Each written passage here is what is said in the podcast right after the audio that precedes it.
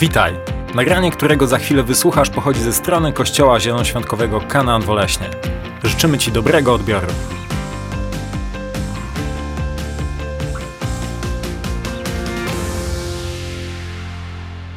Jestem podekscytowany tym, czym będę się dzielił gdzieś z Wami, e, dlatego że e, nie wiem, czy wiesz, ale my jako ludzie wierzący będziemy sądzeni z dwóch rzeczy.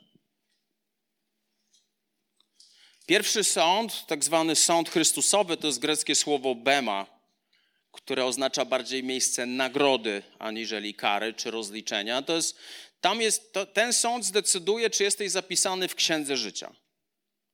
Tak? Jeśli jesteś zapisany w Księdze Życia, to znaczy, że był taki moment, że oddałeś swoje życie Jezusowi i żyłeś z Jezusem. A więc to określa Twoje zbawienie.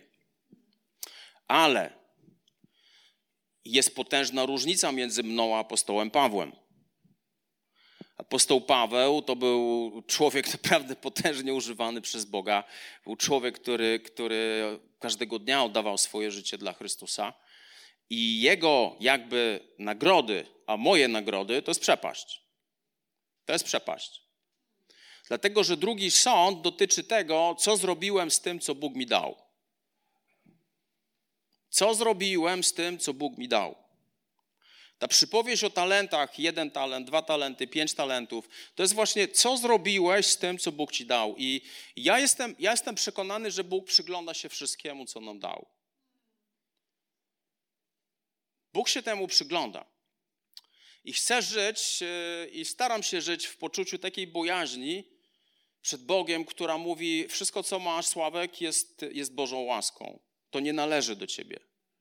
Twoje dzieci nie należą do ciebie. Twoja żona nie należy do ciebie. O tak, ona prawnie należy do mnie, ale tu chodzi o coś innego. On jest ich panem. Bóg jest ich panem. Ten dom, to wszystko, co mam, nie należy do mnie, dlatego jestem człowiekiem, który w ogóle nie ma problemu z dawaniem.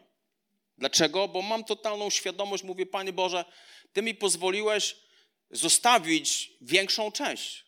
Z tą większą częścią chcę pojechać do Biedronki i kupić loda na przykład. Ty mi zostawiłeś większą część. A Ty chcesz, żebym Ci przyniósł tą mniejszą część. I, i, i to jest coś, co Bóg... Yy, za co jestem Bogu wdzięczny, ale chcę tak żyć. A to, o czym będę mówił, to nam zabierze do świąt czas. To jest coś, co yy, powstało w wyniku mojego życia, ale tak bardziej ambitnie w wyniku książki Roberta Morrisa, która się nazywa From Dream to Destiny. Od snu do przeznaczenia. Okay? Od snu do przeznaczenia. Cała historia opiera się o biblijnego Józefa. I jak popatrzymy sobie na całą Biblię i popatrzymy sobie na życie Józefa, ja Was zachęcam do tego, żebyście czytali sobie pierwszą księgę Mojżeszową, 37 rozdział do 50. 37 do 50. Łatwo zapamiętać. Tam jest opisany Józef, tam jest opisane jego życie, które dla mnie jest wielką, wielką inspiracją. I ten Józef, zanim stał się człowiekiem żyjącym w Bożym przeznaczeniu, musiał przejść przez dziesięć testów. Ja, ja, ja chcę, żebyś, żebyście mnie złapali. Żeby kiedyś Bóg nie powiedział, że nic nie mówiłem. Bóg cię rozliczy z tego, co zrobiłeś z tym, co On ci dał. Bóg zawsze działa w taki sposób, nigdy inaczej. My działamy inaczej, ale Bóg zawsze działa w taki sposób, w jaki sposób namaścił króla Dawida. Wiecie, ile razy Dawid był namaszczony? Trzy razy. Po pierwsze, był namaszczony jako człowiek, on jako on. Samuel go namaścił, on jako on. Później został namaszczony na władcę jednego plemienia, plemienia Judy. A później, na samym końcu, został namaszczony na króla Izraela. Najpierw sam, potem plemię, a potem globalnie. Bóg promuje ludzi, którzy najpierw indywidualnie odnoszą zwycięstwa, później lokalnie odnoszą zwycięstwa, a później Bóg uwalnia cię do globalnych rzeczy. Problem pojawia się wtedy, kiedy próbujesz przyspieszyć czas. Kiedy z miejsca, gdzie jeszcze nie do końca zostałeś naznaczony przez Boga, On nie do końca cię jeszcze naznaczył i namaścił indywidualnie, a ty już chcesz być rozpoznawany lokalnie. Albo, o, chciałbyś być rozpoznawany globalnie. To tak nie działa. Uwierzcie mi, ja widziałem mnóstwo ludzi, którzy wy, wyskoczyli przed szereg i to zawsze się źle kończy. Dzisiaj, dzisiaj to jest wspomnienie. Dzisiaj to jest wspomnienie. I chcę Wam przeczytać. Y, ja nie będę niczego tutaj komentował. Będę starał się jak najmniej komentować, ale, ale, ale modlę się, aby Duch Święty dotykał Waszych serc. Ja nie mam tutaj żadnego kontekstu skierowanego, a przywalę temu czy tamtemu. Nie ma takiego kontekstu. Ja chcę, żeby Duch Święty mówił do Was, e, aby, aby, aby On sprawdzał Wasze serca. Ok? Tak jak sprawdził moje. E, druga, drugi. Yy, już, już, już wam mówię. Drugi list do Koryntian, tak, dziesiąty rozdział, wersety od 18. 18 werset. Wypróbowany jest nie ten, kto sam siebie poleca, ale ten, kogo poleca Pan. U. Wypróbowany jest ten, 2 Koryntian 10, 18, wypróbowany jest nie ten, kto sam siebie poleca. Wypróbowany jest ten, którego poleca Pan. Jeśli sam się będziesz polecał, jeśli sam się będziesz promował, to będziesz musiał użyć swojej siły, aby utrzymać się w miejscu, gdzie się wypromowałeś. A jeśli Bóg ciebie promuje, to jest jego odpowiedzialność i on cię będzie trzymał w miejscu, do którego cię wypromował. Amen? To jest bardzo, bardzo ważne. I tak, każdy z nas ma zadanie do zrobienia od Boga. Każdy z nas, jak tutaj, tu nie ma wyjątków. Bóg nikogo nie pomija. Bóg dla każdego z nas ma zadanie, które jest nam przeznaczone na całe nasze życie. Ok?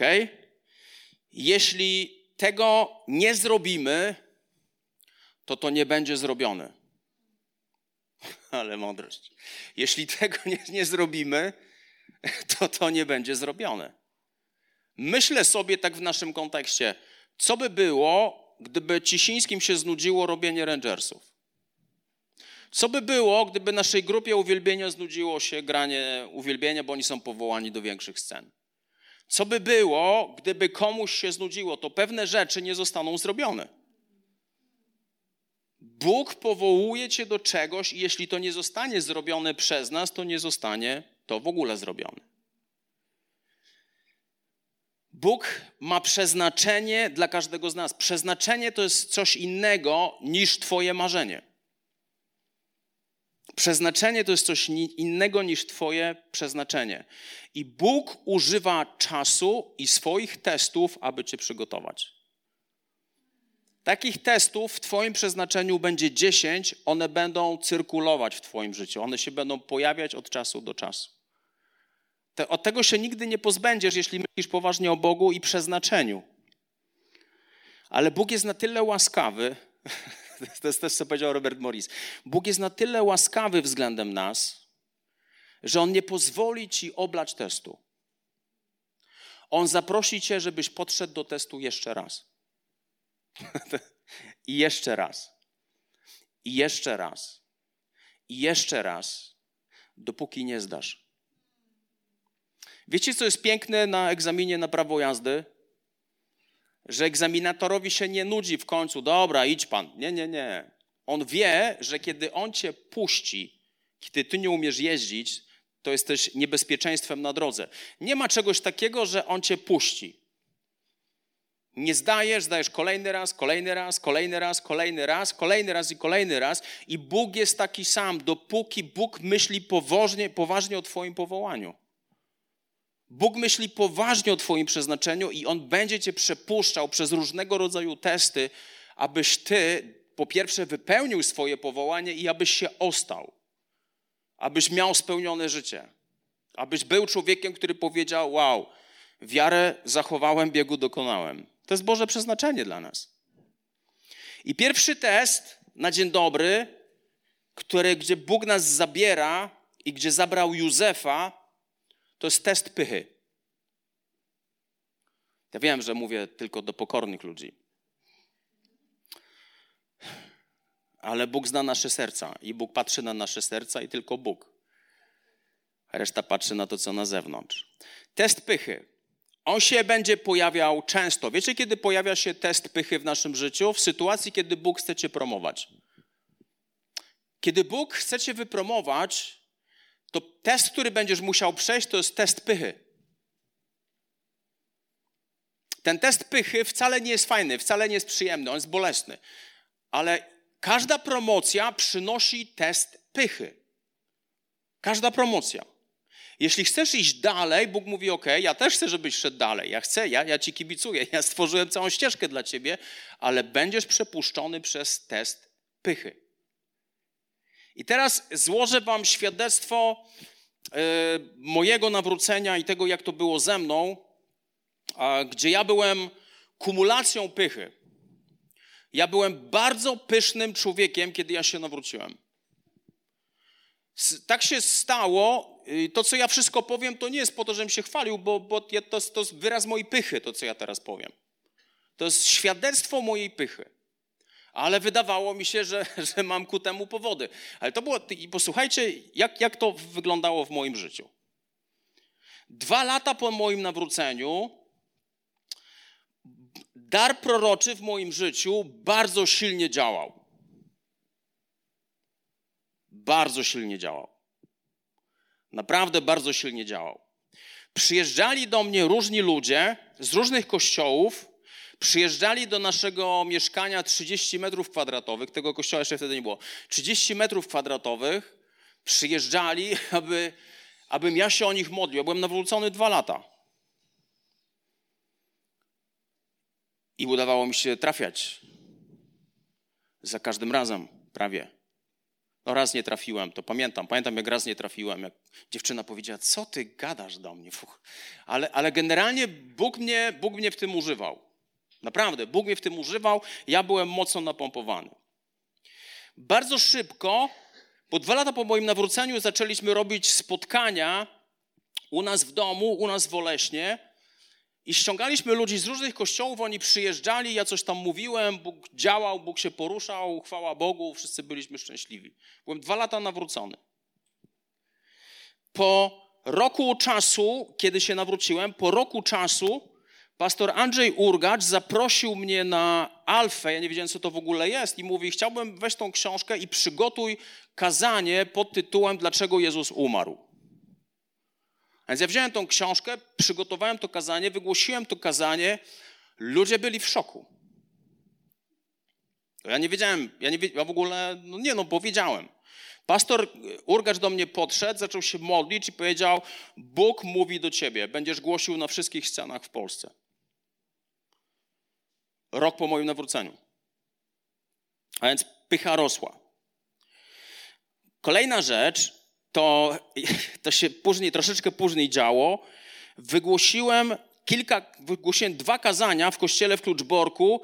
Później stwierdzili, że ja nie mam w ogóle do tego daru, że to nie jest moje obdarowanie. Ale te dwa, które wygłosiłem, jedno było o, jedno było o cysternach, Jeremiasza drugi rozdział, 9-10 werset, a drugie było o, z księgi Ezechiela, 37 rozdział o Dolinie Wysłych Kości. Pamiętam jak dziś. Bóg się poruszał, Bóg działał, ludzie płakali. Pokutowali płakali, Bóg działał. Nie, krót, krótko po moim nawróceniu. A pięć lat po moim nawróceniu i Krysi zaczęliśmy działać misyjnie i od, od sierpnia do grudnia nawróciło się z 30 no, młodych ludzi. To był kosmos. To dzisiaj to był kosmos. Nie było jeszcze Facebooków, Instagramów, nie wiedzieli. Ja myślę, że tak wszędzie jest. Myślę, że tak jest wszędzie, ale wtedy, wiecie, 30 młodych ludzi przychodziło. Dawid wtedy pamięta, że Dawid też przychodził. Dawid, Dawid był najbardziej zbulony. Dawid, chcesz Biblię? Nie. Chcesz coś pić? Mm. Taki Dawid był totalnie zmulony. On jak się nawrócił, to już poszedł za Bogiem, ale początki fatalne. I, i, tak, I tak Bóg działał gdzieś przez nasze życie, czyli prorokujesz, głosisz kazania, lecisz szybko z koksem, a więc ja zasuwałem, ja już szybko zacząłem patrzeć w ogóle, co to ma być, to chrześcijaństwo i tak dalej. Byłem pyszny. Byłem niesamowicie pyszny. a, i pycha rozsadzała mi mózg. Ja myślałem, że tak już będzie zawsze. Pamiętam taką modlitwę właśnie na ulicy, na ulicy Wolności, jak zamknąłem się, to była bardzo mała łazienka. Zamknąłem się w łazience i mówię, Panie, jak Ty byś chciał głosić, żebym ja głosił tak po całym kraju, na dużych scenach, to ja się zgadzam na to. To ja Ci mówię, amen, ja, ja pójdę w tą stronę. Ja nie, niebo w tym momencie było zdumione.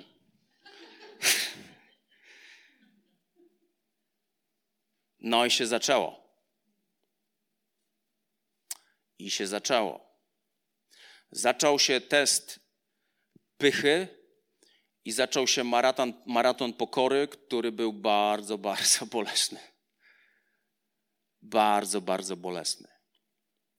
Wtedy też odkryłem, co to znaczy prorokować z duszy i prorokować z ducha. Miałem takie objawienie, i nie potrafiłem, to ja byłem, może tak, czytaliśmy z, Krysie, z Krysią książkę pod tytułem Dzień dobry Duchu Święty. Masz ją, Kasiu? Wspaniale. I kiedy ją czytaliśmy, to mieliśmy takie tygodniowe doświadczenie, że Bóg mieszkał z nami na ulicy Wolności. To był kosmos. Boża obecność była tak intensywna, że my się budziliśmy w Bożej obecności, zasypialiśmy w Bożej obecności, a jak włączaliśmy uwielbianie, zamykałem oczy, to miałem wrażenie, że, że Bóg mnie szturcha po prostu w rękę. Potężne nawiedzenie Boże. To trwało tydzień. I w czasie tego tygodnia Bóg przemówił do mnie wtedy bardzo wyraźnie, i to mnie porusza do dzisiaj, a chcę rozmawiać z Tobą twarzą w twarz.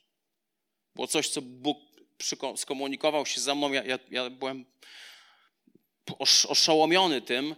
I wtedy Bóg pokazał mi rozróżnienie między prorokowaniem duszewnym i duchowym. O tym się nie mówi, ale tego się doświadcza. Prorokowanie duszewne to jest to, co chce usłyszeć druga strona.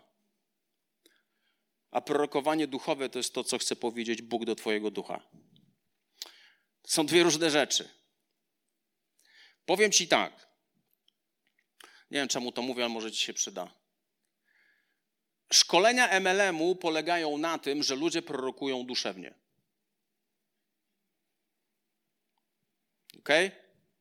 Jestem w stanie, i ludzie, może tak, ludzie są w stanie rozpoznać pragnienia Twojej duszy w duszewny sposób. Oni są w stanie prorokować do Ciebie to, co Ty chcesz usłyszeć. I wtedy my mówimy: Wow, wow, amen, amen, to jest to. Kiedy coś jest prorokowane z Ducha Bożego, to zazwyczaj to nie jest to, czego się spodziewałeś, ale z drugiej strony, jak to usłyszysz, to masz wewnętrzne Boże kliknięcie. I ja mówię, ja byłem przerażony tym objawieniem. Okazało się, że John Bivier, nie byle kto, napisał książkę w języku angielskim pod tytułem Tak mówi Pan, gdzie on opisał duszewne prorokowanie i duchowe prorokowanie. Dla mnie dla mnie to było takie, wiecie, ja byłem świeżo nawróconym człowiekiem, miałem takie objawienie. Jak dzisiaj rozmawiam z ludźmi naprawdę proroczymi, im o tym opowiadam, no to oni mówią, tak jest, że można duszewnie i można duchowo. Okay? To, do tego wrócimy jeszcze duszewnie i duchowo. I teraz tak, ja byłem totalnie pysznym człowiekiem. Naprawdę ja byłem pysznym człowiekiem, Bóg się do mnie przyznawał, ja po prostu myślałem, że niczego lepszego już ta ziemia nie zobaczy w Polsce, bo jak ja się pojawiłem. Natomiast Bóg zaczął mocno pracować w moim życiu. Ja nie miałem świadomości w ogóle, że to wszystko, co się dzieje w moim życiu, to jest jakiś czas przygotowania do czegoś więcej, że to wszystko, co Bóg robi do tej pory, to dla mnie jest to spektakularne, ale jest to pełne błędów, pełne pychy, pełne niewłaściwych postaw. I wtedy Bóg mnie wprowadził w bardzo konkretne imadło, które trwało latami.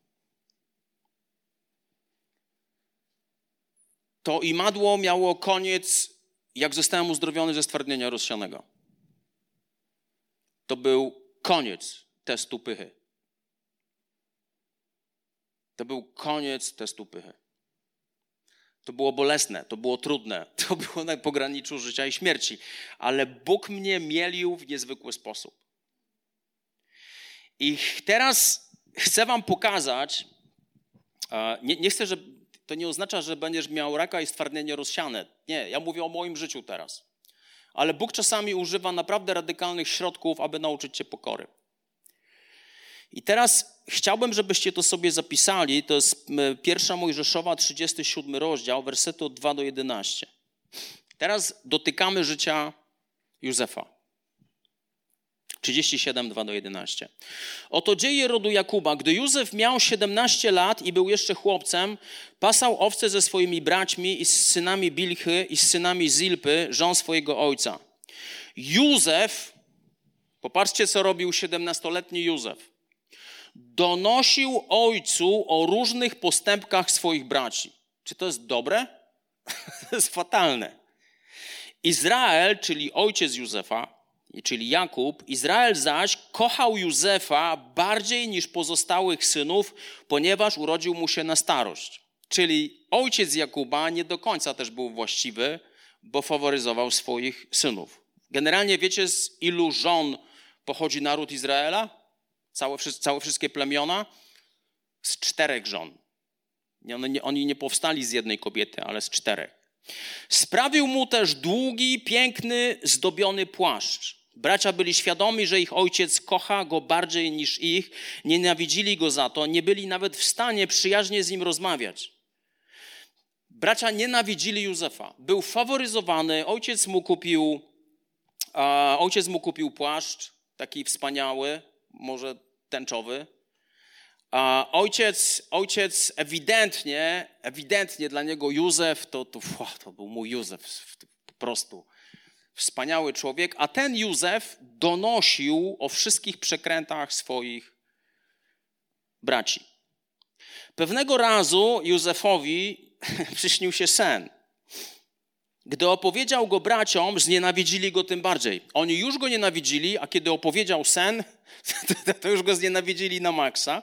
Gdy opowiedział go braciom, znienawidzili go tym bardziej. Posłuchajcie, proszę, powiedział, co za sen mi się przyśnił. Tu nigdzie nie jest napisane, że oni chcą słuchać tego snu. Otóż wiązaliśmy snopy na polu, nagle mój snop podniósł się, stanął prosto, a wasze snopy otoczyły go, otoczyły go i pokłoniły się mojemu snopowi. Masz 17 lat, tak się zachowujesz. Czy naprawdę chciałbyś królować nad nami? Zapytali bracia. Czyżbyś tak bardzo chciał między nami rządzić? Z powodu takich snów i innych podobnych wypowiedzi, tym bardziej go nienawidzili. Józef był znienawidzony, bo co? Bo się ciągle przechwalał. Potem miał jeszcze jeden sen i znowu go pokusiło, żeby się chwalić. Ten również wyjawił braciom. Posłuchajcie, znów miałem sen. Tym razem kłaniało mi się słońce, księżyc i jedenaście gwiazd. Gdy opowiedział o tym ojcu i braciom, ojciec upomniał go nawet. Cóż ci się znowu przyśniło? Czy ja i twoja matka i bracia mamy przyjść i pokłonić ci się do ziemi? Bracia, Braci, braci trawiła zazdrość, ojciec jednak zachowywał sobie te sprawy ku pamięci. Ok? Józef był głupim człowiekiem. Tak, nie ma siedemnastolatków, którzy są mądrzy, tak de facto. On był głupim człowiekiem. Cokolwiek mu się przyśniło, on się tym chwalił. Donosił ojcu, czego tam bracia nie narobili. Generalnie bracia Józefa go i teraz posłuchajcie. Bóg nie bał się, powiedział o jednej rzeczy. Bóg wiedział, Józef nie wiedział, że to zabierze 13 lat, zanim ten sen, który on dostał od Boga, stanie się rzeczywistością. Bóg nie boi się powiedzieć ci, do czego cię przygotowuje, dlatego że On użyje czasu, aby cię do tego przygotować. Wiecie, co ja zauważyłem odnośnie proroc w naszym kościele?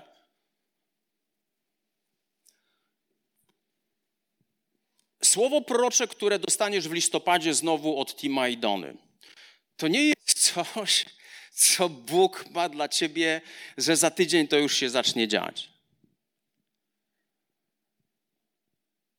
To tak nie działa. To tak nie działa.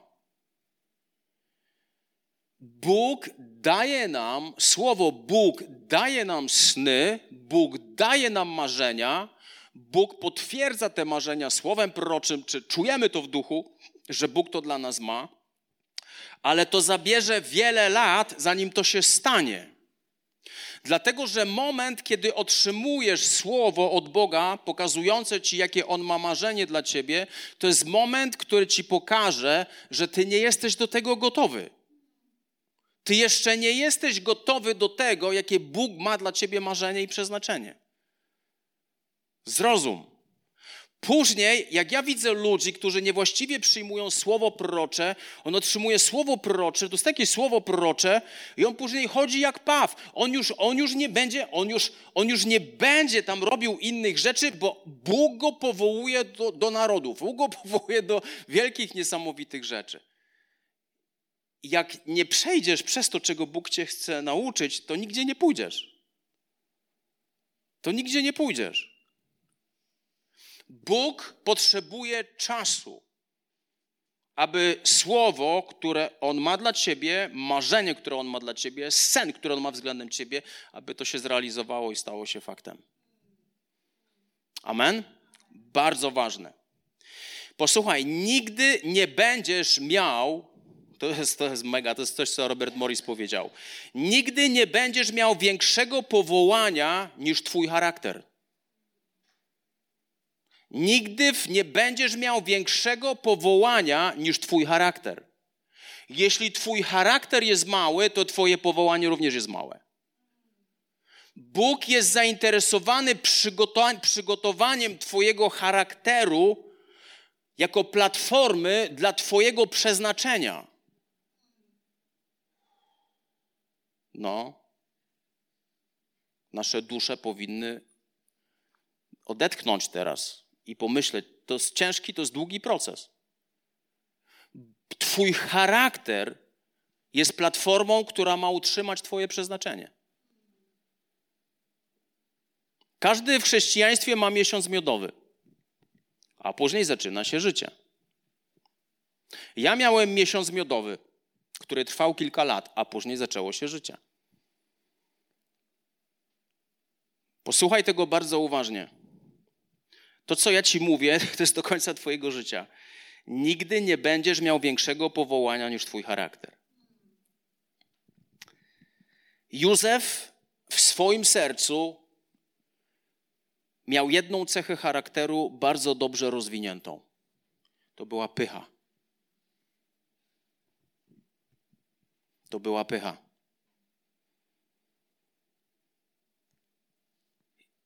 Jeśli wpadniesz w pychę po proroctwie, to wchodzisz w bardzo konkretne mielenie, totalne mielenie, które będzie cię mielić, aby to słowo stało się faktem w Twoim życiu. To nie jest tak, że to, co dostaniesz w poniedziałek, to się stanie we wtorek. To są lata. Ostatnio chyba powiedziałem, że najlepsze rzeczy Bóg ma dla mnie, gdy będę miał 60 lat. Ja najbardziej, zobaczycie, najbardziej płodny czas, jeśli chodzi o moją służbę, będzie wtedy, kiedy ja będę miał 60 lat. Jeszcze 14 lat. Bóg potrzebuje, aby przygotować mnie do tego, co ma dla mnie. To jest moje silne przekonanie, ja wiem, że tak będzie. Ja wiem, że tak będzie. Teraz czasami widzę przebłyski tego, co Bóg chce zrobić w moim życiu. Przebłyski. Ale największy rozkwit będzie od 60 roku życia do końca mojego życia. Trochę to zabierze czasu. Dlaczego Pan Jezus 30 lat nic nie zrobił? Pan Jezus uczył się posłuszeństwa przez to, co wycierpiał. Amen? Tak mówi list do Hebrajczyków. A my myślimy, że my jakoś, nie, nie wiem, inaczej niż Pan Jezus? Mojżesz 40 lat w Egipcie, 40 lat na pustyni i 40 lat, 40 lat to był czas, kiedy Bóg go, kiedy, Izrael, kiedy Bóg prowadził Izraela i finał historii jest taki, że nawet nie wszedł do ziemi obiecanej. Ale finał to było ostatnie 40 lat. Dawid zanim, kiedy on został namaszczony na króla, minęło około 20 lat, zanim się nim stał. To jest długi proces. To jest długi proces. Wiecie, w Szreku, w Szreku był, ktoś oglądał pierwszą część Szreka, tam jest taki osiołek. Pick me, pick me, wybierz mnie, wybierz mnie. To, nie, to tak nie działa w Bożym Królestwie. tak nie działa w Bożym Królestwie. Bóg sobie powołuje ludzi. Bóg będzie promował pewnych ludzi, jeśli przejdziesz przez pewne testy. A więc wracamy do Józefa. Pierwsza istotna rzecz, patrząc na Józefa, patrząc na nasze życie, idziemy szybko. Bóg ma przeznaczenie dla każdego. I teraz posłuchaj mnie bardzo uważnie. Marzenie to nie jest przeznaczenie. Czy przeznaczeniem Józefa było, był sen, który on miał, żeby mu się bracia pokłonili? To się stało. Żeby mu się ojciec pokłonił z matką? To się stało. To było jego przeznaczenie? Nie. Przeznaczeniem Józefa było wykarmić lud Izraela. To było przeznaczenie. Co nam to pokazuje? Co nam to pokazuje? Że nasze przeznaczenie nie jest związane z nami. Nasze przeznaczenie jest związane z innymi ludźmi. To jest bardzo mądre i bardzo ważne. Księga Jeremiasza, 29 rozdział, 11 werset. Ja wiem, jakie wiąże z wami co? Plany, mówi Bóg. To są plany o pokoju, a nie o niedoli. Chcę dać wam szczęśliwą przyszłość i uczynić was ludźmi nadziei. To jest, to jest, Bóg ma plany względem każdego z nas. Każdy z nas ma przeznaczenie. Każdy z nas ma przeznaczenie. Boży plan dla Twojego życia jest lepszy i większy niż Twój plan. Dlaczego? Bo Bóg jest lepszy i większy od Ciebie. Uwierzcie mi, Gdybym ja był prorokiem Pana, który by znał waszą przyszłość za 30 lat, za 10 lat, za 20 lat, gdybym ja ci powiedział, do czego Bóg cię powołuje, do czego Bóg cię przeznacza, to ty byś w to w ogóle nie uwierzył. Ty byś w to w ogóle nie uwierzył. Co Bóg, jak co Bóg myśli o tobie? W ogóle byś w to nie uwierzył. Bóg ma plan dla każdego z nas. On jest większy i lepszy niż nasze plany. Bo Bóg jest lepszym Bogiem i Bóg jest większym Bogiem niż my.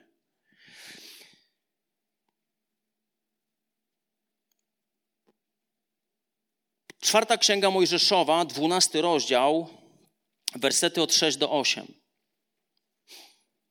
Spróbujemy sobie odpowiedzieć na pytanie, bardzo ważne pytanie. Skąd jak poznać Boże przeznaczenie? Chciałbyś wiedzieć, jakie jest Twoje przeznaczenie? Jak poznać Boże przeznaczenie? Zobacz, każdy ma przeznaczenie, ale jak je poznać?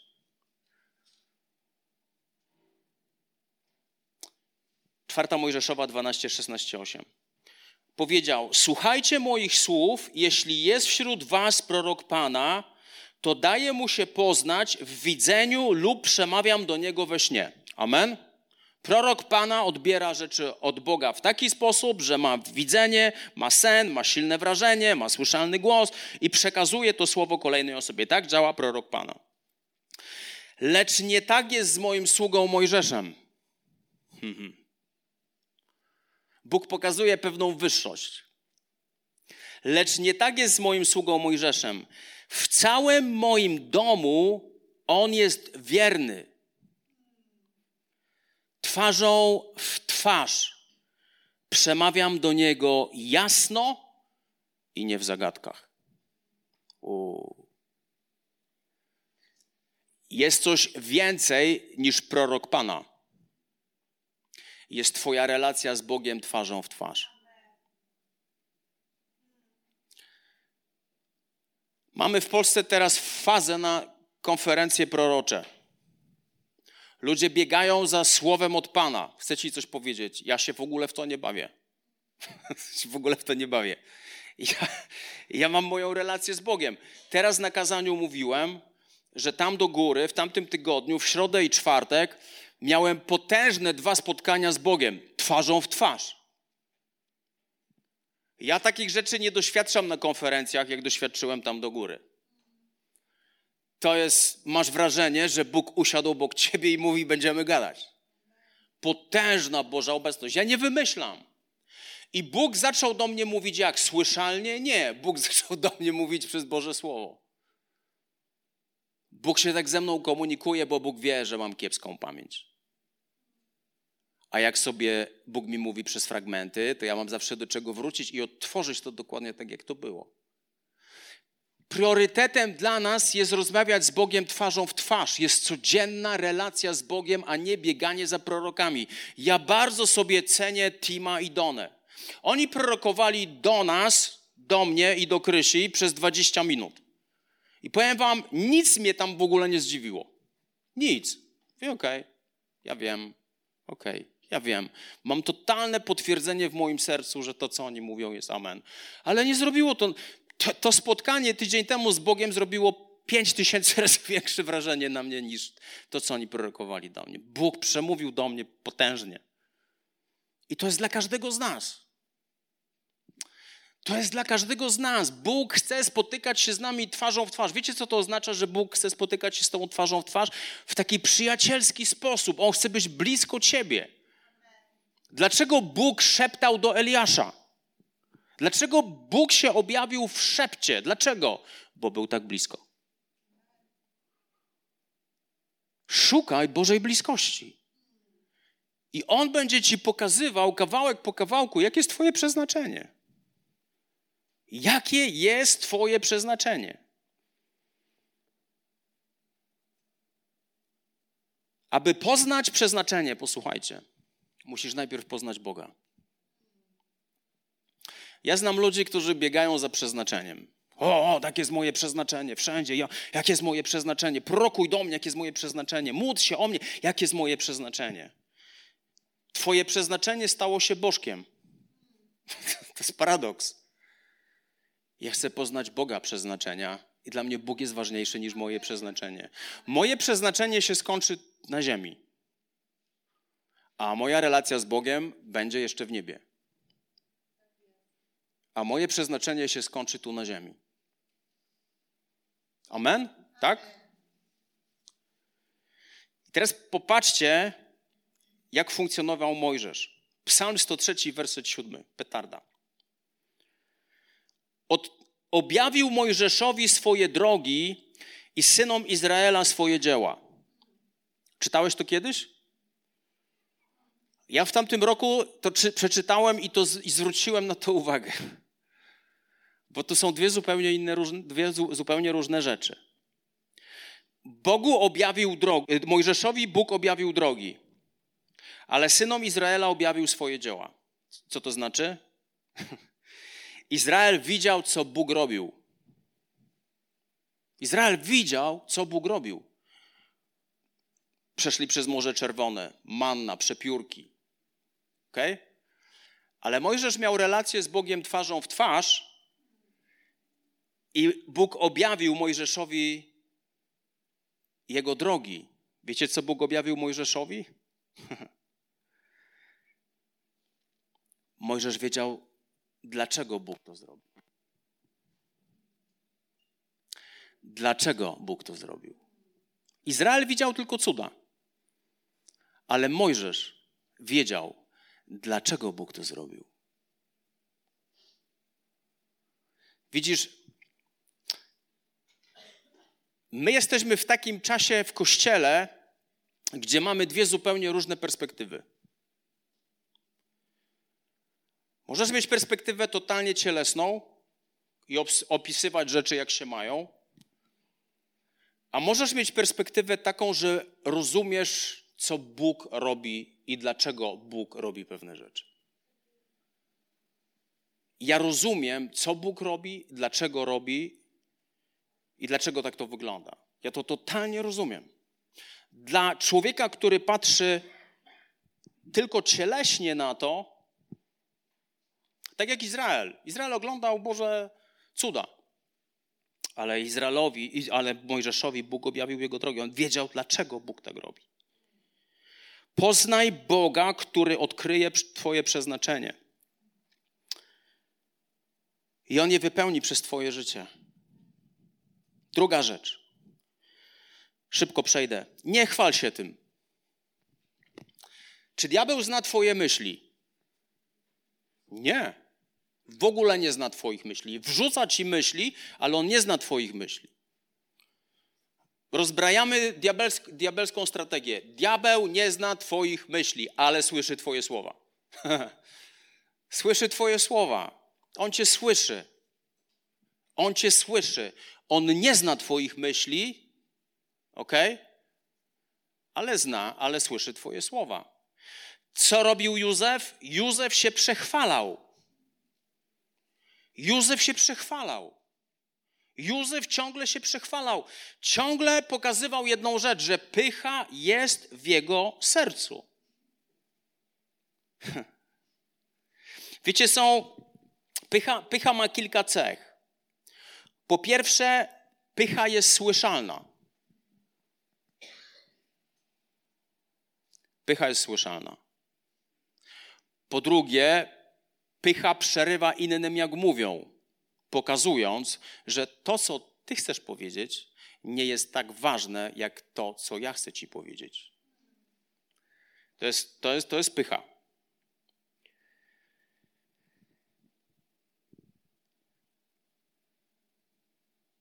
I ludzie mówią, wiesz, Bóg patrzy na serce. Okej. Okay. Ale jest jeden fragment, który cię zamiata na lewo i prawo i mnie. Mateusza 12, 34. O wy pomioty żmii, jak możecie mówić dobrze, skoro jesteście źli? Przecież z obfitości serca mówią usta. Jak, dlaczego, skąd mówią usta? Jak, dlaczego mówią usta? Z obfitości serca. Czyli jeśli nasza, nasze serca są pełne pychy, to mówimy o sobie. To mówimy o sobie. Robert Morris zadał swojej żonie dwa pytania. Mówi, kochanie, czy ja mówię za dużo? Ona mówi, no, no zdecydowanie. A okej, okay, okej, okay. bądź szczera teraz też. A drugie pytanie, czy ja się chwalę? Ona mówi, oj Robert, nie ma dnia, żebyś się nie chwalił. Mówi, moja żona była brutalnie szczera. Ale ja wymyśliłem system, jak się tego pozbyć. Powiedziałem jej, że jak będziemy siedzieć przy stole i będę się chwalił, aby, albo będę za dużo mówił, to niech mnie delikatnie kopnie w nogę. Mówi, po pół, pół roku, po setkach siniaków na moich nogach, zmieniliśmy system.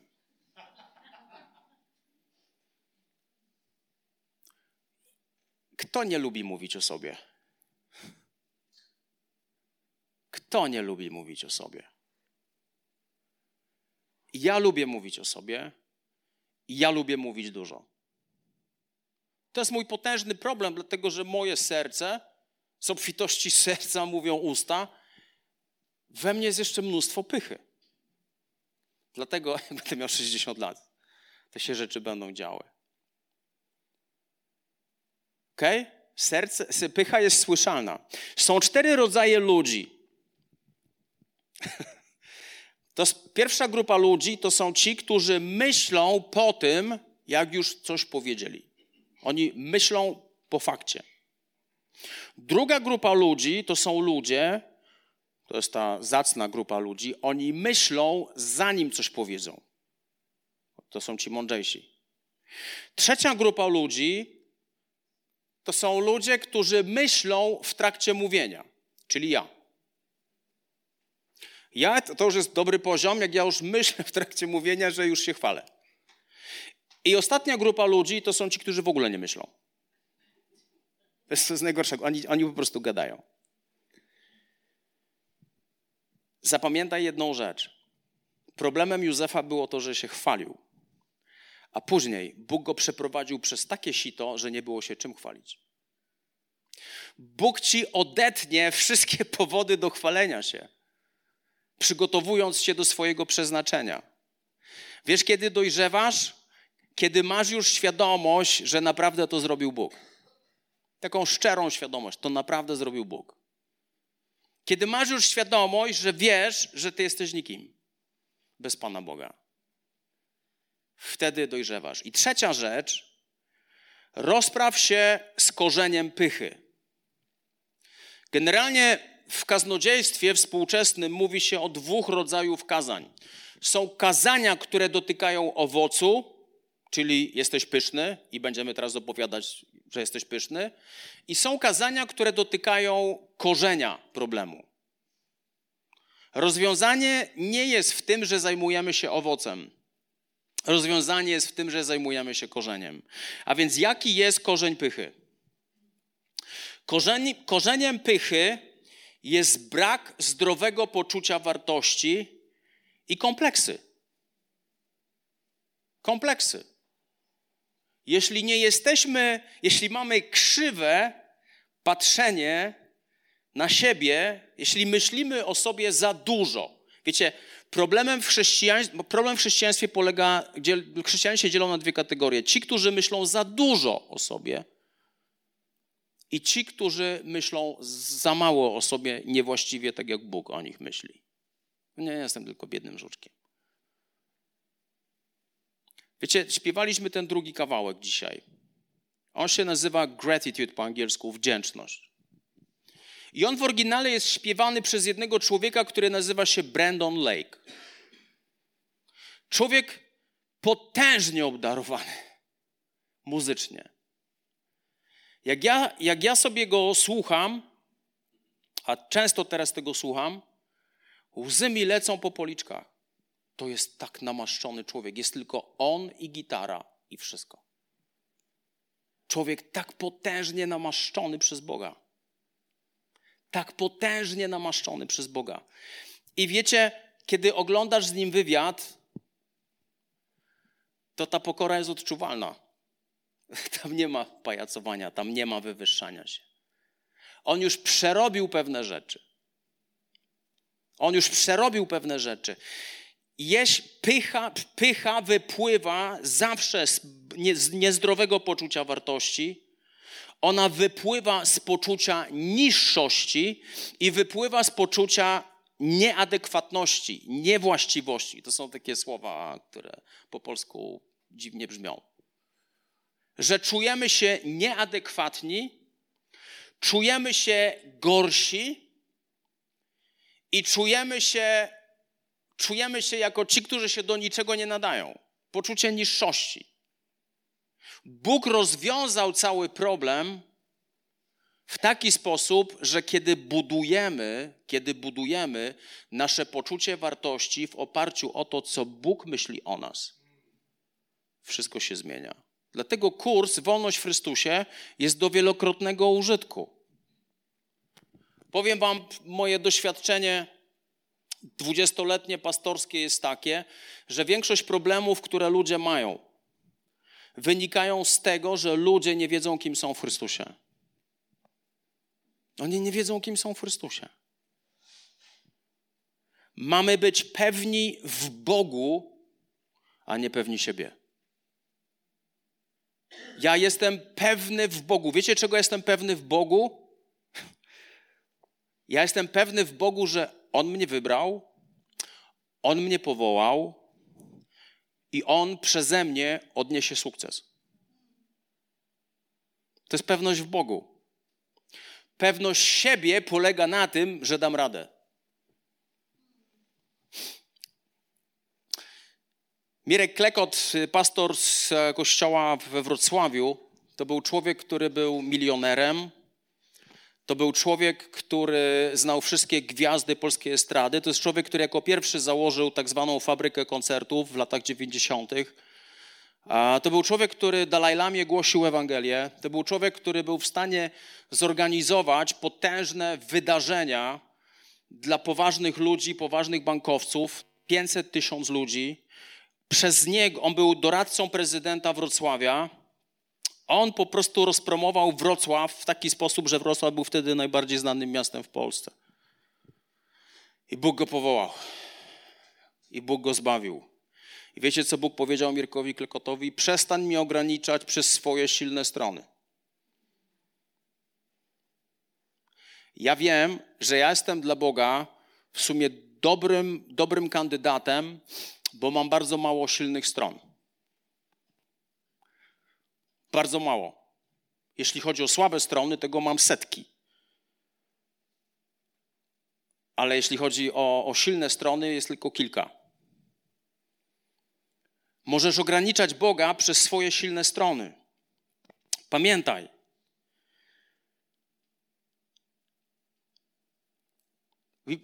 Możemy się modlić o pokorę? Możemy czy nie możemy? Nigdy nie odpowiadaj na. nie ma modlitwy o pokorę. Jakuba, czwarty rozdział, dziesiąty werset Biblia mówi tak. Uniszcie się przed Panem, a wywyższy was. Co mamy zrobić? Nie módl się o pokorę. Unisz się przed Bogiem. Powiedz, Boże, unisz mnie, abym nie był blokiem w tym, co chcesz zrobić przez moje życie. W życiu Józefa to wszystko trwałoby krócej niż 13 lat, ale musiała, musiała być uśmiercona pycha Józefa. Czy w naszym kościele są ludzie pyszni? Oj, tak. tak. Musimy spersonalizować to wszystko, o czym mówimy teraz. Czasami za dużo o sobie myślimy. Czasami za dużo o sobie myślimy. Czasami myślimy o sobie naprawdę za dużo. Jak się nauczyć pokory? Jak być uniżonym przed Bogiem? Przebywaj w Bożej obecności każdego dnia. Kiedy wchodzisz do Bożej obecności, od razu malejesz, a On staje się wielki. W Bożej obecności wielki jest tylko jeden i to jest Bóg Wszechmogący. W Bożej obecności nie ma miejsca na inną wielkość. Jeśli Bóg ma wypełnić przeznaczenie przez Twoje życie, to musisz uczyć się pokory. I teraz powiem Ci pewną, pewną to mnie rozwaliło, pewną rzecz. I to jest na koniec. Ja jestem świadomy tego, i Ty też powinieneś być świadomy, że jesteś dzieckiem króla. Świadomość, że ja jestem dzieckiem króla, że jestem synem Boga, leczy mnie ze wszystkich kompleksów. Leczy mnie z poczucia niższości. Ja uważam, że chrześcijanie powinni chodzić z podniesioną głową, dlatego że jesteśmy dziećmi króla. Jeśli ty jesteś jedynym chrześcijaninem w miejscu twojej pracy, to jesteś najważniejszą osobą. Jesteś najważniejszą osobą. Tam, gdzie ty jesteś i nie ma innych chrześcijan, jesteś najważniejszą osobą. Miej tego świadomość. Jesteś dzieckiem króla. Stąd czerp swoją siłę, stąd czerp swoją wartość. Jesteś jego córką, on cię wybrał, on ciebie znalazł, nie ty go znalazłeś, on ciebie znalazł, on cię powołał, on ciebie zbawił. Druga ważna rzecz, jeśli on ciebie powołał, to on jest w stanie zrobić wszystko przez twoje życie. Wiecie, teraz jest tak, że jest bardzo duża fala powstających kościołów. Teraz w tą, y, w tą niedzielę otwieraliśmy jako 700 miast trzy kościoły. Sławno, Czelać, to, to się tak złożyło. Sławno, Strzelce i Czelać. I przyjechał Leszek Mocha. Gadamy, gadamy, on mówi, stary, za tydzień, czyli teraz, otwieramy w Wieliczkę. Kolejny kościół. Mówię, wow, Bóg naprawdę, Bóg naprawdę coś robi. Bóg naprawdę coś robi niezwykłego. I takich e, w styczniu zaczynamy 700 miast w Głogowie, gdzie jest 14 ekip, które mają już wybrane 14 miast i myślę w perspektywie dwóch lat powstaną tam kościoły. Bóg coś robi niezwykłego. I teraz wam, co, dlaczego to wam mówię? Bóg mnie do tego powołał. Ja się z tego cieszę, że On mnie do tego powołał. To jest moje szczęście, to jest moja radość, że ja mogę to robić. A uda się to dlatego, że to On mnie powołał. Że On się nie pomylił, że to On mnie powołał. To jest coś, co daje mi poczucie pewności. Co mi daje pokorę? Co, co, co, powo jak, co, znaczy, co powoduje, że jestem pokorny? Ostatnie dwie myśli. Dobrze, że siedzisz. Wiesz, co powinno nas czynić pokornym? Jesteś dzieckiem króla? Amen. Jesteś córką króla? Amen. Jesteś synem króla? Amen. Ale nie urodziłeś się w jego rodzinie. Przykro mi bardzo. Ani ja, ani ty nie urodziliśmy się w Bożej rodzinie. Nie urodziliśmy się jako Jego dzieci. Nie urodziliśmy się jako synowie albo córki. Nie urodziliśmy się w taki sposób. To uczy pokory, prawda? Ale najbardziej uczy pokory to, że ja się nie urodziłem jako Jego dziecko, ja się nie urodziłem jako Jego syn, ale zostałem adoptowany ale zostałem adoptowany, bo On mnie adoptował.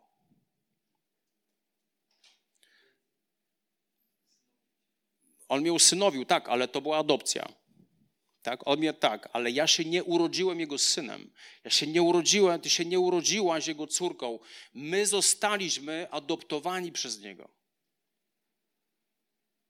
To jest coś, co uczy mnie pokory to jest coś, co uczy mnie tego, mówię, Boże, uwielbiam utwór Cudowna Boża Łaska. Byłem zgubiony, a Ty mnie znalazłeś. Jak kiedyś o tym zapomnisz, jest po Tobie. Nie musisz być wdzięczny Bogu za zbawienie tylko kiedy umrzesz. Bądź wdzięczny Bogu za zbawienie tu i teraz.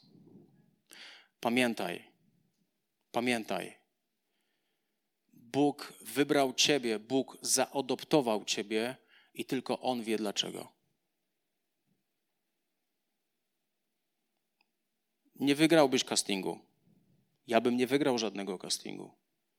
Bóg ma o wiele lepszych, bardziej zdolnych ludzi tam, znaczy, z których mógłby wybrać. Tam są o wiele. Dlaczego? Dlaczego Steve Jobs nie był chrześcijaninem?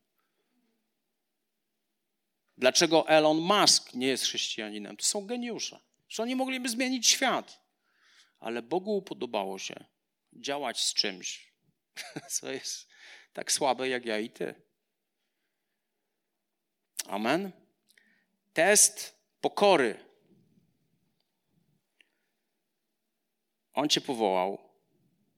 Jesteś jego dzieckiem, ale pamiętaj. Nie urodziłeś się jego dzieckiem, nie urodziłeś się jako Jego własność, On Ciebie adoptował. On Ciebie wybrał.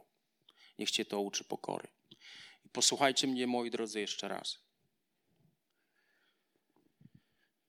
Cieleśnie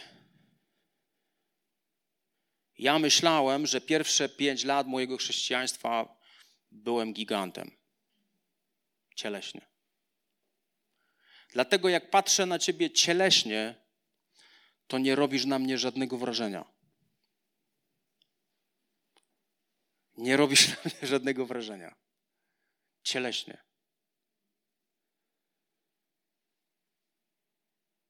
Ale, ale, ukoszmy się przed Bogiem.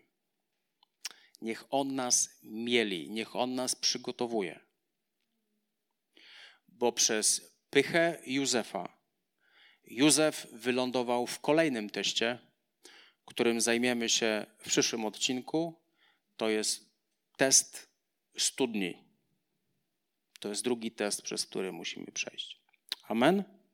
Amen. Ciężka to mowa. Bóg myśli o Was poważnie. Bóg myśli o nas poważnie. To nie jest pitu pitu kazanko, tylko to jest konkret.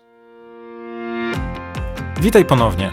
Dziękujemy za wysłuchanie tego nagrania i mamy nadzieję, że pomoże Ci ono zbliżyć się do Boga. Jeśli dziś podejmujesz decyzję o zaufaniu Jezusowi i uznaniu Go Twoim Zbawicielem, to chcemy Ci pogratulować. Modlimy się o Boże działanie w Twoim życiu i zapraszamy Cię serdecznie do Kanaanu, ponieważ wierzymy, że Kościół, czyli wspólnota wierzących ludzi, to najlepsze miejsce do wzrostu i rozwoju duchowego.